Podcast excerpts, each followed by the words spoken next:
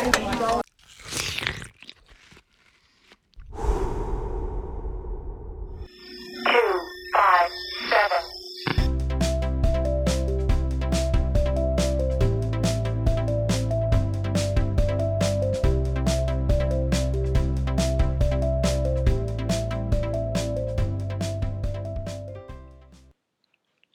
teman-teman, saya Zatrian dan selamat datang kembali di podcast Ruang Konseling.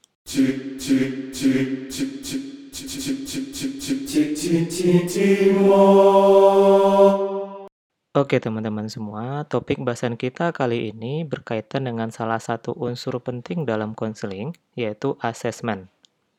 Nah, episode ini mungkin lebih banyak materi ya, agak sedikit padat memang. Nah, ini bahasa halusnya, artinya agak ngemosenin. Tapi it's okay, kita bahas pelan-pelan aja agar kalian nggak terlalu bosan. Nah, asesmen pada hakikatnya merupakan perjalanan dua arah yang melibatkan keseluruhan proses konseling serta analisis yang didasarkan atas data masukan dari klien dan konselornya. Dapat dimaknai bahwa asesmen dalam pelayanan konseling pada hakikatnya merupakan kegiatan pengumpulan data, analisis, dan formulasi yang berkelanjutan, serta dimulai sebelum sesi konseling, saat sesi konseling berlangsung, dan pada akhir sesi konseling untuk evaluasi menyeluruh pelayanan konseling. Nah, berdasarkan hakikat asesmen tersebut, dapat dimaknai bahwa pelaksanaan asesmen dalam pelayanan konseling itu dilakukan di sepanjang rentang proses konseling, baik itu sebelum sesi berlangsung, saat pelayanan konseling diberikan, dan setelah sesi konseling berakhir. Oke, kali ini kita akan bahas satu persatu mengenai kapan-kapan saja asesmen dalam konseling ini diberikan, tentunya dengan kapasitas dan tujuannya masing-masing. Yang pertama, asesmen sebelum pelayanan konseling. Oke, pelaksanaan asesmen pada tahap ini juga dikatakan sebagai intake assessment yang berfungsi sebagai starting point atau titik awal untuk mengumpulkan semua informasi penting sebelum pelayanan konseling diberikan. Kegiatan ini dilakukan dalam bentuk screening singkat dengan sistem triase. Mungkin sistem triase teman-teman sering lihat ya di kalau di rumah sakit atau di instalasi gawat darurat itu sering ada tulisan triase. Nah, dalam konseling pun juga sama. Jadi kita ada sistem triase yang artinya saat konsel, saat klien datang pada konselor, sesi proses konseling tidak lagi dipenuhi dengan pertanyaan-pertanyaan yang sifatnya administratif. Misalnya bertanya tentang nama, alamat, kemudian eh, kenapa datang ke sini, jam berapa janjinya tadi, itu sifatnya administratif. Cuma kalau dalam intake assessment, ini kita lebih kepada bagaimana membangun raport atau hubungan awal kita dengan klien. Nah, dalam proses ini, eh, klien ini akan ditanyakan apakah dia sudah pernah melakukan konseling sebelumnya dan pemahaman apa yang dia sudah dapatkan dari proses konseling sebelumnya. Nah, tentunya ini sebagai eh, asesmen awal apakah klien memahami proses konseling secara umum. Oke. Nah, yang kedua, ini adalah asesmen saat pelayanan konseling atau ongoing assessment. Asesmen saat pelayanan konseling dilakukan untuk mengetahui dan evaluasi kemajuan layanan serta ketepatan intervensi yang dilakukan. Penilaian selama proses konseling tersebut berkaitan dengan kemajuan dan hasil yang telah dicapai selama sesi konseling berlangsung. Nah, dalam proses ini, yang lebih banyak dinilai sebenarnya adalah keefektifan teknik yang diberikan oleh konselornya.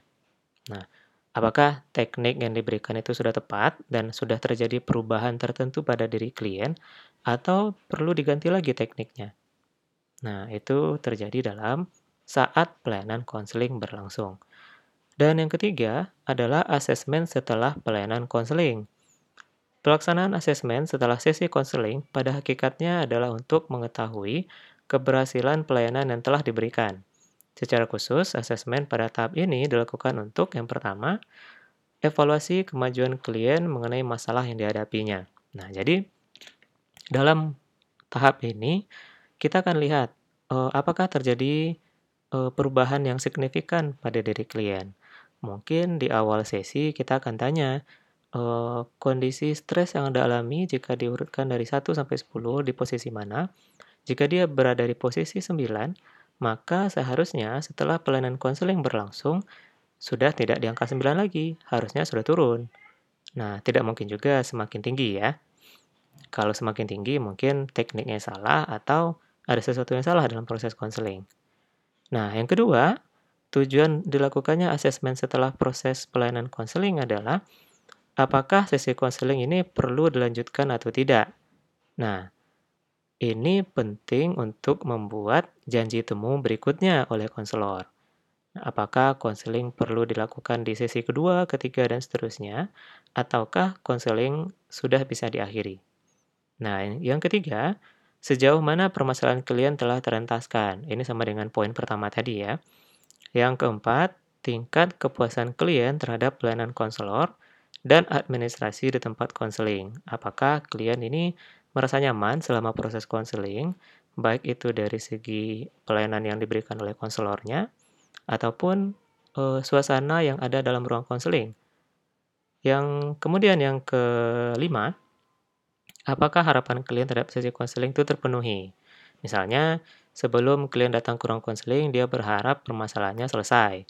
Nah, apakah permasalahan tersebut sudah selesai dan e, sudah terpenuhi harapannya itu juga diketahui setelah proses pelayanan berlangsung. Oke, informasi ini merupakan data yang krusial atau penting sekali terutama bagi keberlangsungan praktek pelayanan konseling.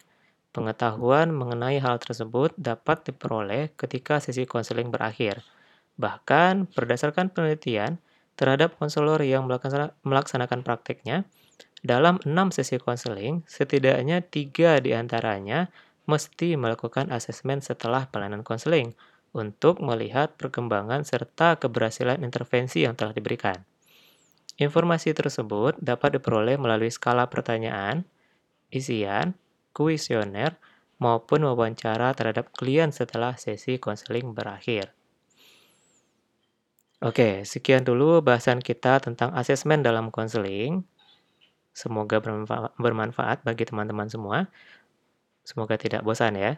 Segmen berikutnya kita masih tunggu kisah-kisah menarik dari pendengar semua. Dan sampai jumpa di episode selanjutnya ya.